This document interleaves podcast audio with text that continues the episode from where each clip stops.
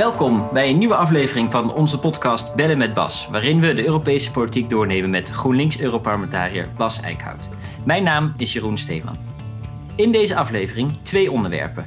De Duitse Bondsdagverkiezingen en de monsterklus om de Europese wetgeving aan te passen aan onze nieuwe klimaatdoelen. Aan de andere kant van de lijn zit Bas al klaar. Um, gelukkig nieuwjaar, Bas. Een gelukkig nieuwjaar, Jeroen. Dat mag nog, hè? Dat mag nog, zeker. Um, voordat we gaan beginnen, uh, what about Brexit? Dat is natuurlijk uh, uh, rond kerst, vlak voor, was er ineens toch een, een deal.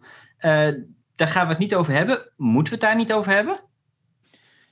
Ja, op zich wel. Alleen ja, iedereen die denkt dat hiermee Brexit is afgerond en dat we het nooit meer over Brexit gaan hebben, die, die zal ik moeten teleurstellen.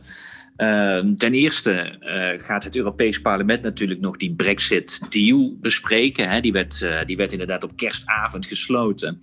Uh, en, en is daarmee voorlopig in werking getreden op 1 januari 2021. Maar als Europees Parlement moeten wij er goedkeuring aan geven. En we hebben eigenlijk geweigerd om die honderden bladzijden even even tussen kerst en oud en nieuw er doorheen te rammen. Uh, zoals bijvoorbeeld wel het Britse lagerhuis dat gedaan heeft, wat gewoon niet serieus is. Je moet er gewoon echt even goed naar kijken of wij er, het ermee eens zijn. Nou, daar hebben we nog tot eind februari voor. Maar zelfs als het Europees Parlement dan zijn goedkeuring geeft, dan zullen er nog zoveel onderwerpen zijn die gaan opkomen, omdat er eigenlijk zoveel nog niet is afgesproken. eigenlijk het hoognodige is afgesproken, maar alle ontwikkelingen die we gaan zien, potentieel het uit elkaar groeien van het Verenigd Koninkrijk en de EU, ja, daar, moet allemaal, moeten eigenlijk nog allemaal afspraken op gemaakt worden. Dus, dus ja, die brexit, daar gaan we echt nog, in ieder geval de komende anderhalve maand uh, als parlement naar de deal zelf kijken. Maar vervolgens zal het thema tel kunst terug blijven komen. Dus, dus iedereen die denkt, zoals bijvoorbeeld de Labour-leider in het VK heeft gezegd, nou, die brexit is geregeld, we kunnen vooruitkijken. Uh, nee, dit blijft voorlopig nog wel terugkomen. Dus, dus we hebben nog genoeg tijd daarvoor. Oké, ja, en dan gaan we ongetwijfeld nog, als dat in het parlement helemaal besproken wordt en zo, dan komen we daar inderdaad hier ook nog uitgebreid op, uh, op terug. Maar uh, nu dus nog even, nog even niet, want we gaan onze blik wenden naar het oosten, naar, onze, naar ons andere uh, buurland, ja. Duitsland. Um, ik heb opgeschreven, Duitsland zoekt een nieuwe Bundeskanzler. Um, ja. Ze gaan op zondag 26 september naar de stembus. Daar gaan ze een nieuwe bondsdag kiezen.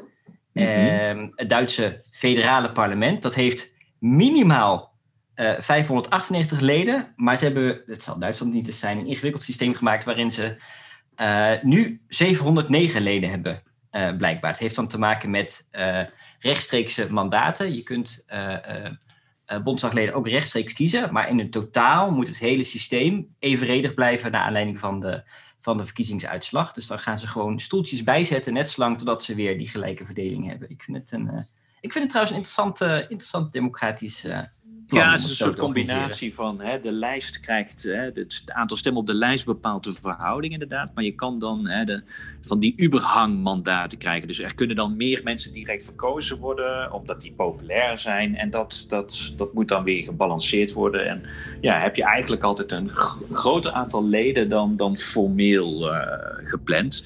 Maar dat dat schijnt allemaal prima te passen in het gebouw. Dan zetten ze er gewoon stoeltjes bij, wat je zei. Ja, ja of het, het is wel complex, moet ik zeggen. Maar goed, dat, uh, uh, het, heeft ook zijn charme, die combinatie. Precies. Nou goed, in Duitsland hebben we 80 miljoen inwoners. En daarmee het grootste land in de, in de Europese Unie. En dus een hele belangrijke stem ook in de Europese politiek. Ik er wordt vaak gewacht op de positie van, van Duitsland. Wat gaat Duitsland doen? Um, dus ja, wij zeggen het is moeilijk te overschatten hoe belangrijk die Duitse verkiezingen ook zullen zijn voor de, voor de Europese politiek en ook voor, voor Nederland. Ja, absoluut. Ik bedoel, uh, ja, of we het nou leuk vinden of niet, Duitsland bepaalt in grote mate toch waar uh, Europa heen gaat. Uh, hè, wat je zegt, grootste land, maar ook economisch natuurlijk machtig, ligt ook ja, strategisch tussen, tussen Oost- en West-Europa. speelt die rol ook graag. Dus, dus ja, op alle fronten heeft uh, Duitsland gewoon een belangrijke rol te spelen. En dat vinden de Duitsers zelf ook vaak moeilijk. Hè? Dat, dat historisch ja, houden ze daar eigenlijk niet van. Uh, om, om hè, dat als wij zeggen, jullie zijn heel belangrijk, dan worden ze altijd wat nerveus, de Duitsers. Maar ja, dat is het wel. En, en, en ja, het probleem is wel heel vaak dat Duitsland heel veel tijd nodig heeft om tot een standpunt te komen. Dat heeft ook met die federale structuur. Hè. Deelstaten hebben relatief veel macht. Het is niet zoals Frankrijk, waar gewoon de president bepaalt wat het land wil. Ehm, in Duitsland zit dat redelijk complex in elkaar. Ja, voordat Duitsland een standpunt heeft, zijn we vaak uh, al heel veel maanden verder. En, uh, ja, dus iedereen zal ook naar deze Duitse verkiezingen gaan kijken met spanning. Van wat gaat er gebeuren? Omdat natuurlijk een vervanger van Merkel er zal komen. Ja, precies. Want Merkel heeft inderdaad al gezegd van ik, uh, ik, ik stop ermee. Ik ga niet uh, uh, voor, voor nog een, een termijn. Um, even voor voor de duidelijkheid. Op dit moment is er in Duitsland een regering waar CDU, CSU, dus de Christendemocraten, en de SPD, dus de Sociaaldemocraten, samen in een, in een regering zitten. Ja, dat, de, de grote coalitie, grootste coalition heet dat.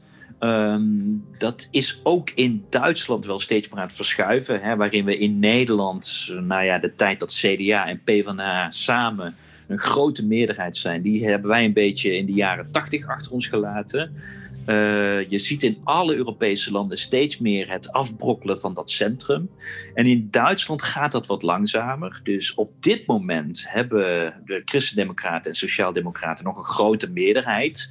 Maar ja, de verwachting is dat dat ook wel weer in september zal gaan verschuiven. En, en eigenlijk is iedereen daar wel blij mee, want die, die grote coalitie, het, het was een soort gedwongen huwelijk maar is al vier jaar lang een, een, een, ja, een hele stroeve coalitie met heel veel chagrijn, heel veel ontevredenheid, um, trage besluitvorming. En, en eigenlijk merk je wel in Duitsland dat men toch wel behoefte heeft aan een, aan een nieuwe coalitie. De grote vraag is alleen wie.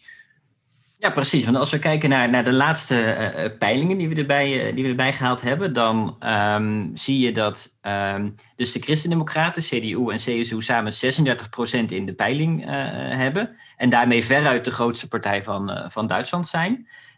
maar dat de tweede partij daar, dat zijn de Duitse Groenen. En die halen 18% in de, in de peiling. Um, ik maak het rijtje even af. SPD staat op 15%, AFD staat op 10%, Die Linke uh, op 9% en FDP op 6%. Ja, um, ja dat, dat is de overzicht in de peiling zoals het er nu, nu uitstaat. Dus de verwachting is, als je dit zo ziet, wat, wat is je ja. inschatting? Kijk eens in je grote ja. glazen bol.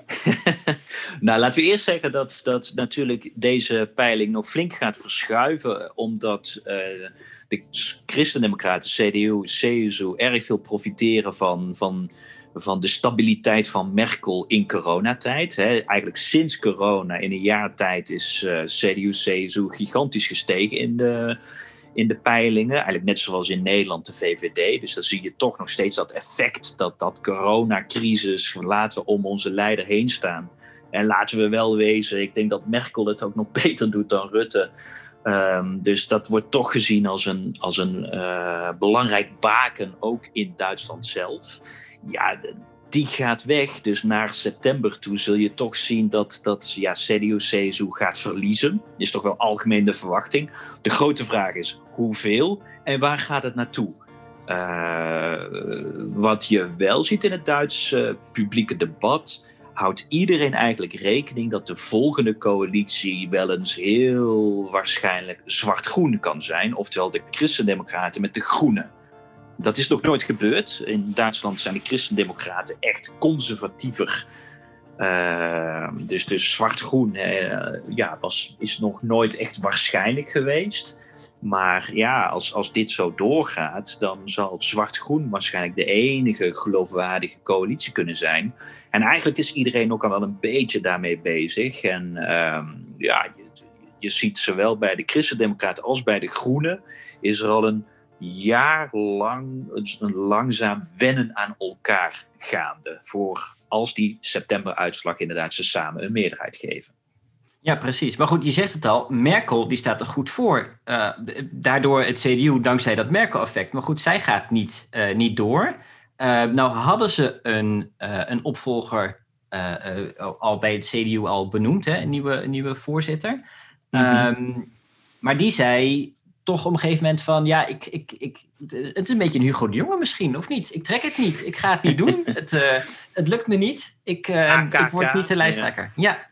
Ja, uh, nou, ze heeft het al iets eerder gezegd wel. en, en ik denk ook wel dat dit een foutje was van Merkel. Die dacht eigenlijk, ik ga een opvolger Kijk, in principe is, gaat het gewoon om het partijvoorzitterschap. Uh, de, de traditie is een beetje dat de partijvoorzitter ook de bondskanselier wordt. Maar dat hoeft natuurlijk niet zo te zijn. Maar Merkel wilde eigenlijk al, terwijl ze bondskanselier is, al wel het partijvoorzitterschap opgeven. Zodat een nieuw iemand langzaam ingewerkt kan worden. Nou, dat werd uh, uh, Karrenbach, Kamp Karrenbach. AKK, dus klinkt een stuk makkelijker. Uh, maar ja, die, die kwam er echt niet doorheen. En die heeft eigenlijk heel vroeg gezegd, al vorig jaar: ik, ik, ik ga niet door als voorzitter. Dus als er iemand uh, een beetje warm moet gaan lopen als partijvoorzitter en misschien dus toekomstig bondskanselier, moet ik een stapje terug doen. Dat was het idee. Alleen door corona is er eigenlijk continu geen congres geweest. Dat partijcongres van CDU stond echt al ergens in 2020 gepland. Dat werd uitgesteld, uitgesteld. En uiteindelijk nu in januari ja, moest het wel echt gebeuren. En is het dus dit weekend gebeurd. En is, die, is eigenlijk die voorzittersplek van de partij helemaal niet meer een, een warmloopstage geworden, maar moet die meteen aan de slag. Uh, ja, om, om zich te bewijzen als, als geschikte kandidaat voor het uh, bondskanselierschap. Ik zeg hij, omdat het duidelijk was. Één ding is duidelijk: het wordt een man. Ja, want de, kandidaten, hè, er waren dus drie uh, mannelijke kandidaten. Ik heb zelfs gelezen, allemaal jurist en allemaal uit Noord-Rijn-Westfalen. Dus dan zou je als ongeïnformeerde kiezer denken, nou, daar valt eigenlijk niet zoveel te kiezen. Maar dat is niet helemaal waar. Nou ja, kijk, het, het, er was veel chagrijn natuurlijk allemaal. Noord-Rijn-Westfalen. Noord-Rijn-Westfalen is de grootste deelstaat. Ongeveer net zo groot als Nederland. En ligt tegen Nederland aan. Hè? Dus uh, nou ja, steden, steden als Keulen, Düsseldorf, Dortmund. Dat ligt allemaal in Noord-Rijn-Westfalen. Um, ja, ja uh, middelbare leeftijd. Allemaal tussen de... Nou, ze zitten volgens mij... De jongste was 51. De, uh, tussen de 50 en de 70, zeg maar. Dus uh, redelijk saaie mannen. Maar je hebt helemaal gelijk. Op inhoudelijk vlak ja, vertegenwoordigen ze wel echt drie totaal verschillende scholen. Uh, waarbij uh, Friedrich Merz al heel lang bezig is om proberen de baas te worden binnen het CDU, maar eigenlijk tot nu toe telkens verliest. Het is nu voor de derde keer opgegaan voor het partijvoorzitterschap. Uh, uh, en uh, nou ja, we hebben het al gehoord, voor de derde keer verloren. maar hij vertegenwoordigt echt het, het, het wat klassiekere conservatieve geluid. het is een, ja, hij, hij, heeft, hij heeft ook duidelijk een ja, pure focus op economie. Komt ook uit het bedrijfsleven. Nou ja, bedrijfsleven vooral meer, volgens mij, wat was het nou? Goldman Sachs of nou ja, een van die wat discutabelere financiële instellingen. Uh, dus, dus een uh, ja, rechts georiënteerde conservatieve man, die ook heel duidelijk zich distancieerde van Merkel. Ja, hij had ook inderdaad echt uh, openlijk kritiek hè, op Merkel. Ja. Bedoel, dat is toch wel iets om, uh, om te doen, zeg maar. Daar. Ja, ja, ja, echt, echt opzichtig uh, oppositie tegen Merkel en oproepen tot een nieuwe, nieuwe richting. Met name natuurlijk om die rechterflank weer te willen afdichten, omdat toch het gevoel was, de CDU heeft te veel kiezers naar dat nieuwe AFD, hè, dat Alternatieve voor Duitsland, verloren. Um, hij stond ook hoog in de peilingen totdat corona kwam. Uh, dus ook de populariteit van Merkel in coronatijd heeft natuurlijk ook Mertskansen, waarin hij opriep tot een nieuwe koers, wel kleiner gemaakt. Omdat die hele partij misschien een jaar geleden daar behoefte aan had. Een beetje opschudden, een nieuwe koers als Merkel weggaat. Maar ja, door corona zag je ook binnen het CDU dat mensen zachten van, dachten, nou, misschien is Merkel zo slecht nog niet. Plus in de peilingen heeft AFD eigenlijk vanzelf al best wel veel verloren. Dus, die, dus dat, dat, dat narratief van Merz, dat hij het gat op rechts gaat dichten, was ineens veel minder urgent. Dus dat was de echt Merz aan de ene kant. En aan de andere kant had je Rutgen, Uh, voormalig minister van Milieu, is nu de buitenlandswoordvoerder in de Bundestag voor de CDU. En ja, die is echt wel progressief. Uh, uitgesproken op klimaatgebied. Echt duidelijk zeggen dat CDU klimaat heeft laten liggen. Uh, en het dus te veel aan de Duitse Groenen heeft overgelaten.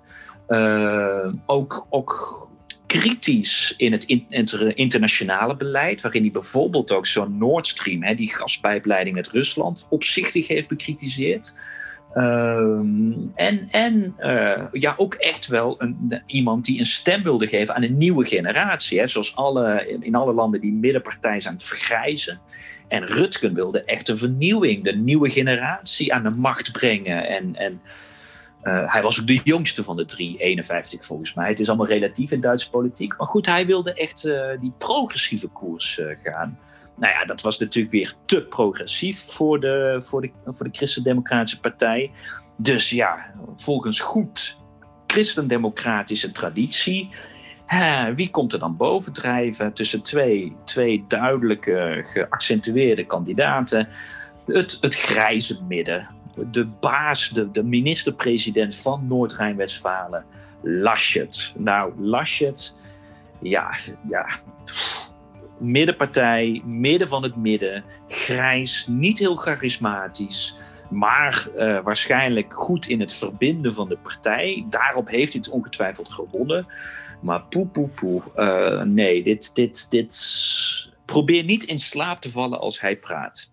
Nou, dat is een, een mooi bruggetje. We hebben namelijk inderdaad een fragmentje. Ik heb naar zijn uh, acceptatiespeech geluisterd. Um, En ik heb het, het meest spannende, uh, de spannende stukjes heb ik eruit, uh, eruit gehaald.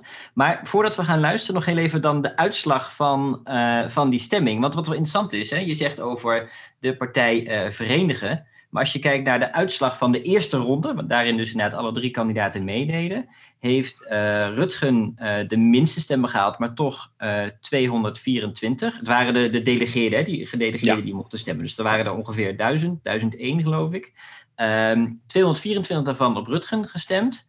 Um, In de eerste ronde. Lachette um, dus 380 stemmen en Merz 385 stemmen. Dus dat is echt, nou ja, redelijk verdeeld over die drie, die drie stromingen, zeg maar. In de tweede ronde heeft Laschet uh, 521 stemmen gehaald.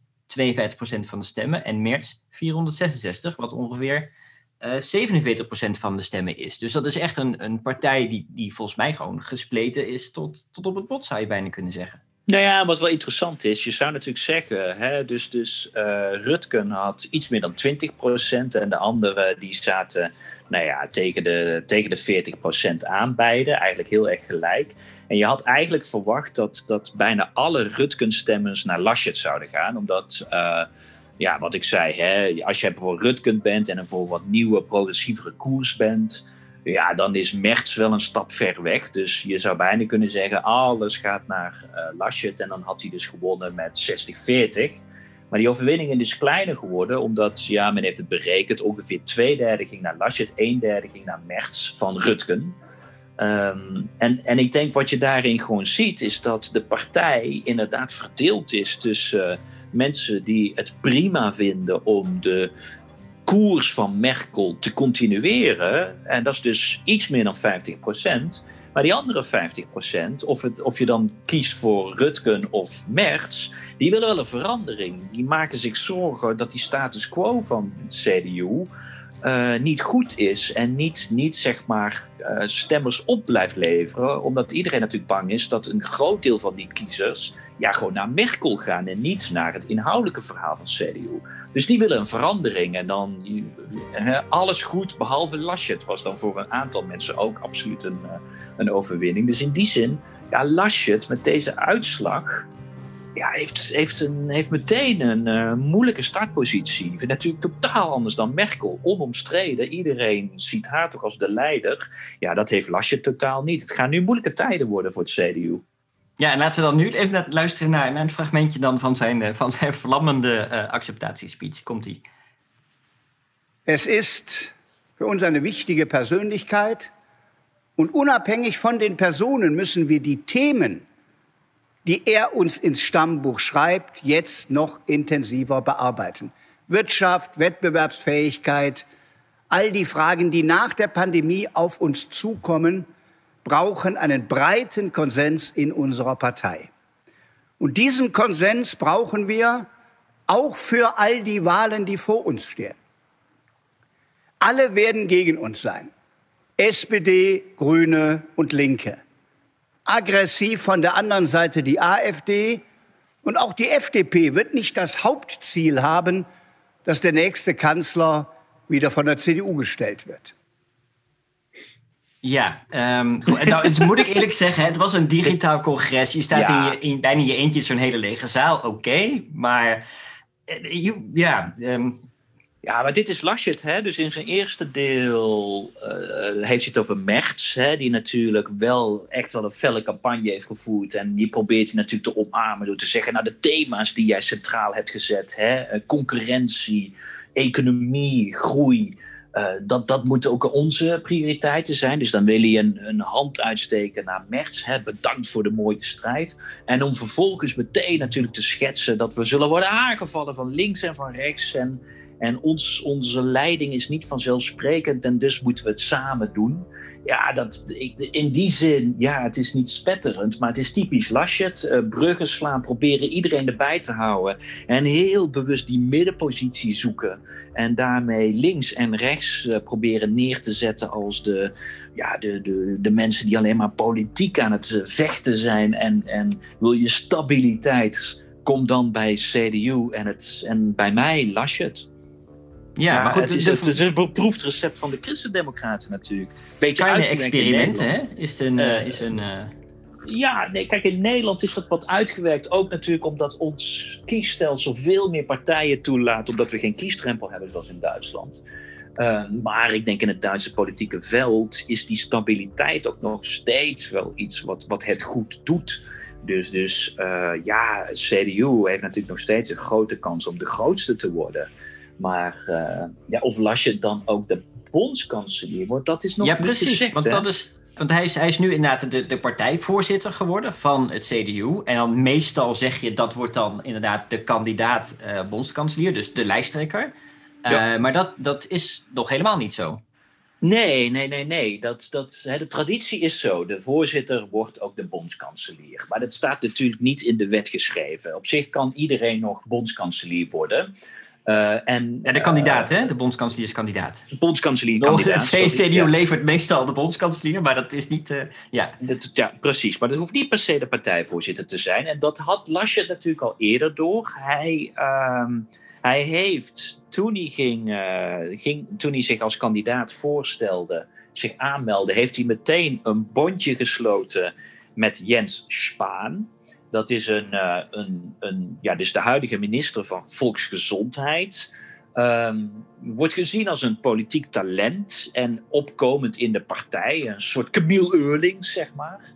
Uh, maar ja, nu toch ook wel onder druk, omdat er veel kritiek is op het coronabeleid. En de gezondheidsminister, nou ja, zie Hugo de Jonge, krijgt toch ook kritiek in Duitsland. Dus dat, dat, maar Jens Spaan kan natuurlijk nog. Die, die heeft besloten niet zelf ervoor te gaan en zich dus aan te sluiten bij Laschet. Dus die hebben samen zich als team ontwikkeld. Het zou dus kunnen zijn dat Laschet op een gegeven moment zegt: Nou, Spaan, er is te veel kritiek op mij, ga jij het maar doen. Uh, maar er is nog een andere uh, mogelijkheid, en die wordt iets waarschijnlijker geacht, is dat als de komende periode het CDU wat gaat wegzakken in de peilingen. Plus, heel belangrijk, in maart komen er twee hele belangrijke deelstaatverkiezingen aan. In Baden-Württemberg en Rijnland-Pfalz. Dat zijn toch twee wat grotere deelstaten in het westen. Uh, en en Baden-Württemberg, overigens tot nu toe zijn de groenen daar het grootste. Dus dat wordt ook interessant voor ons, maar ook interessant voor het CDU. Hoe gaan ze het daar doen? Uh, ja, als dat tegen gaat vallen, zal er heel veel kritiek komen. En kan het zijn dat ja, zelfs de hele CDU gaat zeggen: ja, misschien moeten we toch maar niet uh, Laschet als kans, bondskanselier-kandidaat doen. Maar, en dat zou natuurlijk echt nieuw zijn in de, in de Duitse politiek, dat de CDU dan gaat kijken naar haar kleine zuster CSU in Bayern waar een hele populaire minister-president zit, namelijk Marcus Söder. En die zou wel eens op kunnen komen als de redding van, de van het CDU-CSU. En dan wordt het niet Laschet die bondskanselier is, maar Zeuger. Ja, dat, dat, dat, zou, dat zou nieuw zijn in de Duitse politiek, maar dat scenario is echt kansrijk. Ja, precies. Nee, dus het wordt allemaal interessant om dat eh, de komende tijd uh, te, gaan, uh, te gaan volgen. Um, we, moeten eigenlijk een beetje allemaal Duitsland-watchers gaan worden, of niet, de komende, de komende tijd? Ja, dit jaar, dit jaar qua verkiezingen zijn de Duitse verkiezingen het allerbelangrijkste voor Duitsland, voor Europa, voor ons in Nederland.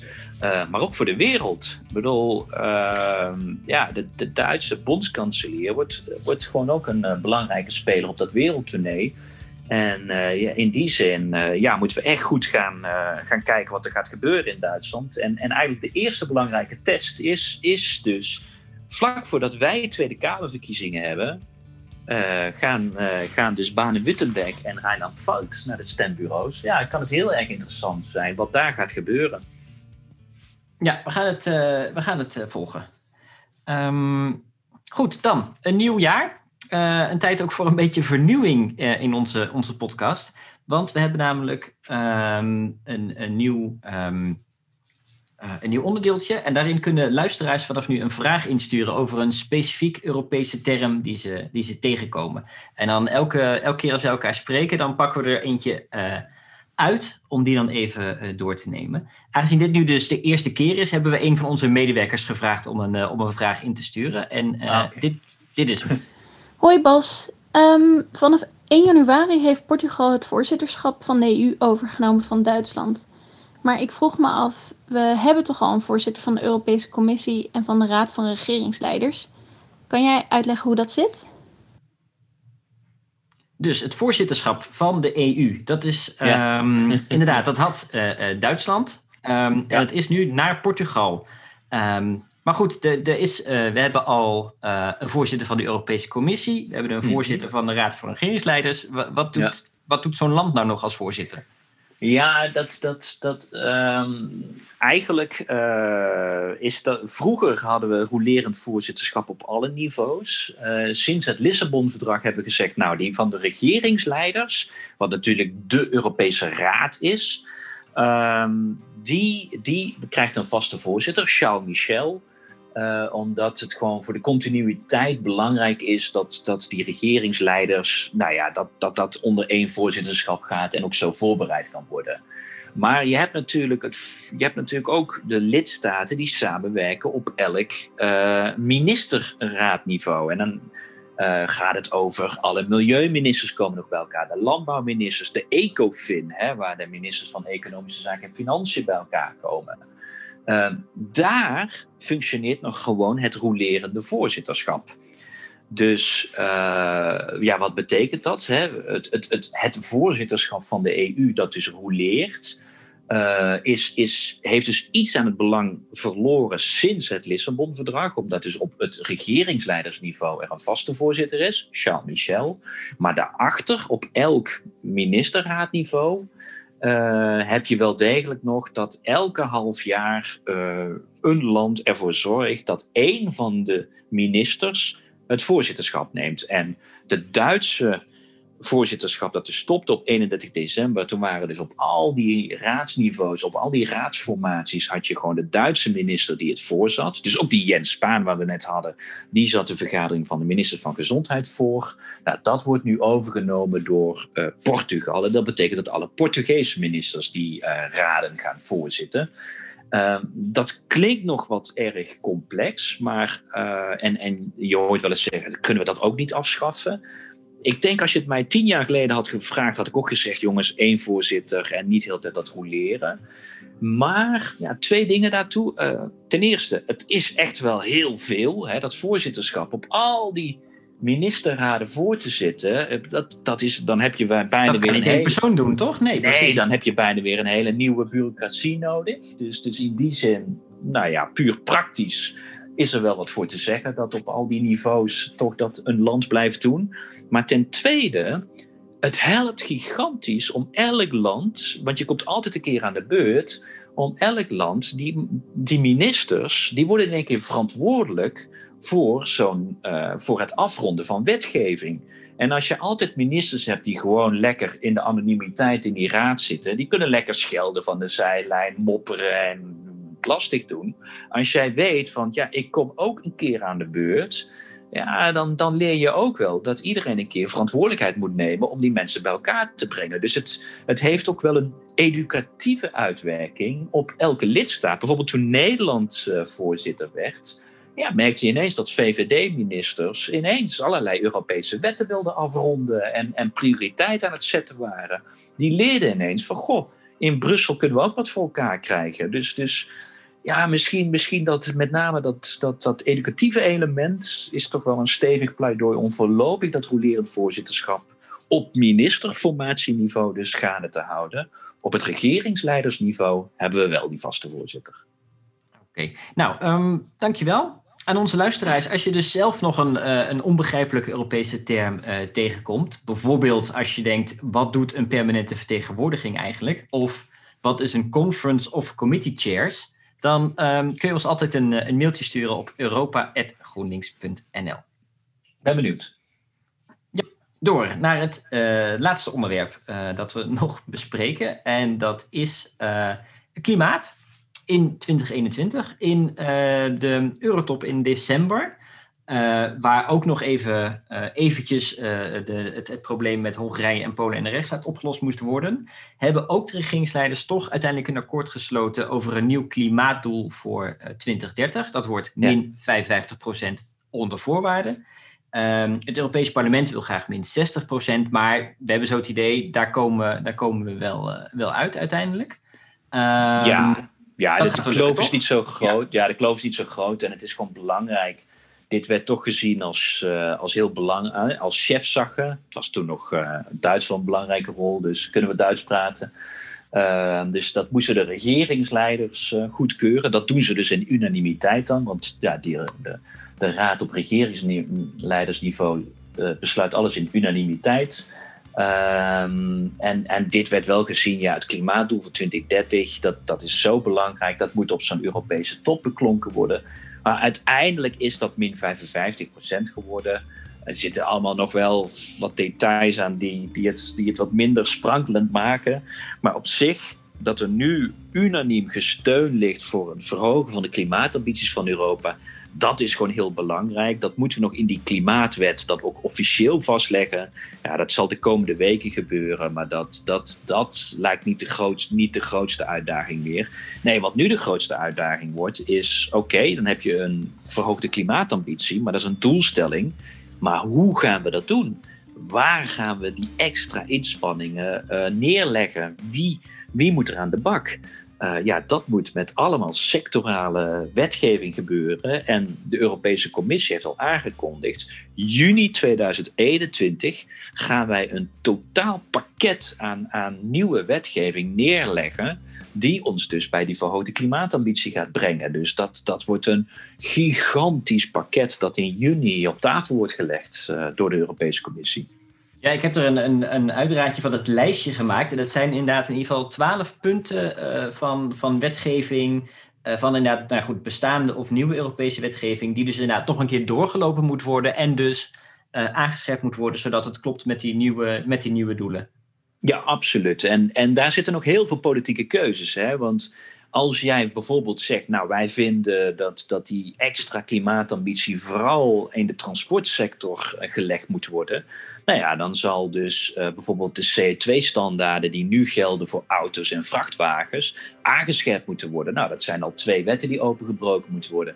Vind jij dat de industrie veel meer moet bijdragen? Ja, dan zal het emissiehandelssysteem flink aangescherpt moeten worden. Uh, denk jij meer van nee, we moeten juist heel veel energie gaan besparen? Nou, daar hebben we ook een richtlijn voor voor energiebesparing. Dan moet die opengebroken worden. Moeten we juist sneller op duurzame energie? Nou, er ligt een richtlijn duurzame energie die dan opengebroken moet worden. Uh, op al die facetten ligt wetgeving.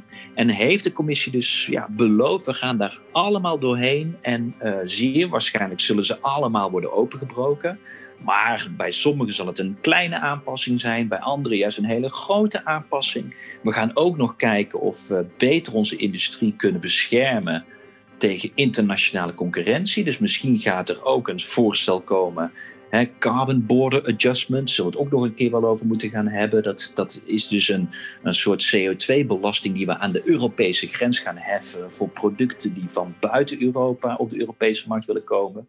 Um, Zodat je oneerlijke concurrentie een beetje kan aanpakken. Hè? Dat niet meer het argument kan zijn, hé, hey, maar wij in Europa hebben inderdaad iets hogere uh, uh, standaarden, iets hogere druk inderdaad voor, voor de industrie.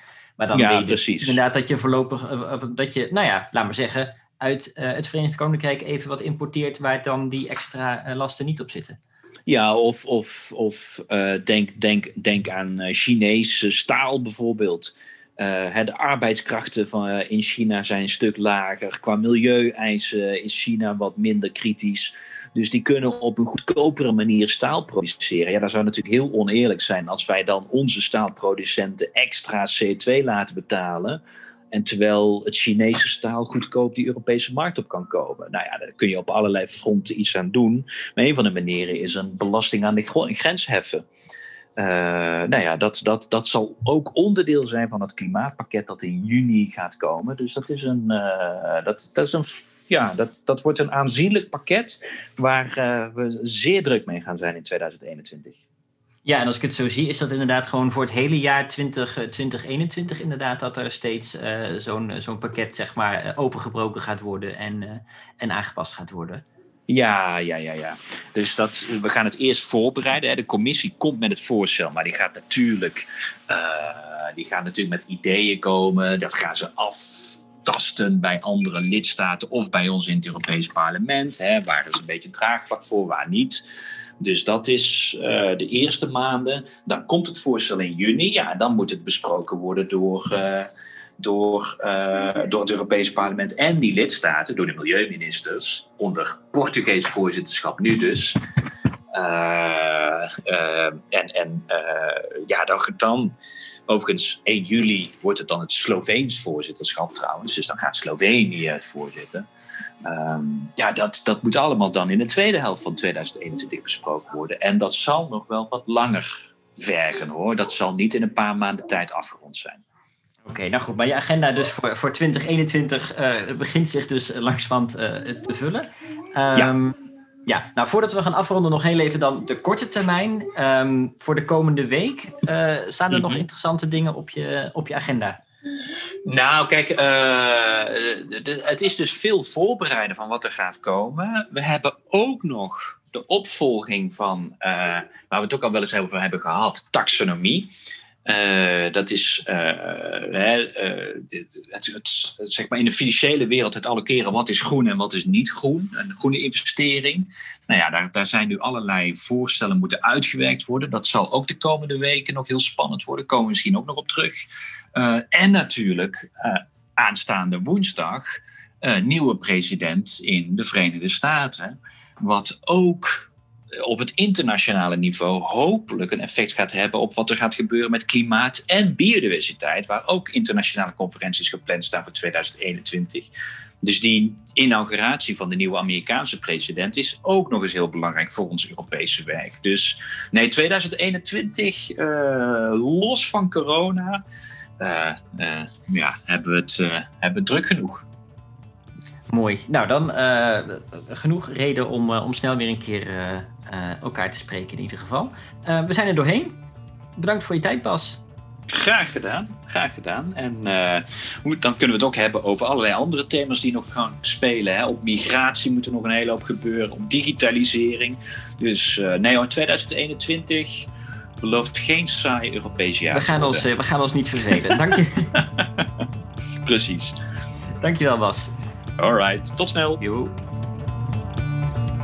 Je luistert naar Bellen met Bas, een podcast van GroenLinks en de Groenen in het Europees Parlement. We danken Klook voor de vormgeving. We horen graag van je. Mail je opmerkingen en vragen voor Bas naar ons mailadres europa.groenlinks.nl. Abonneren op onze Europa-update kan via europa.groenlinks.nl/update.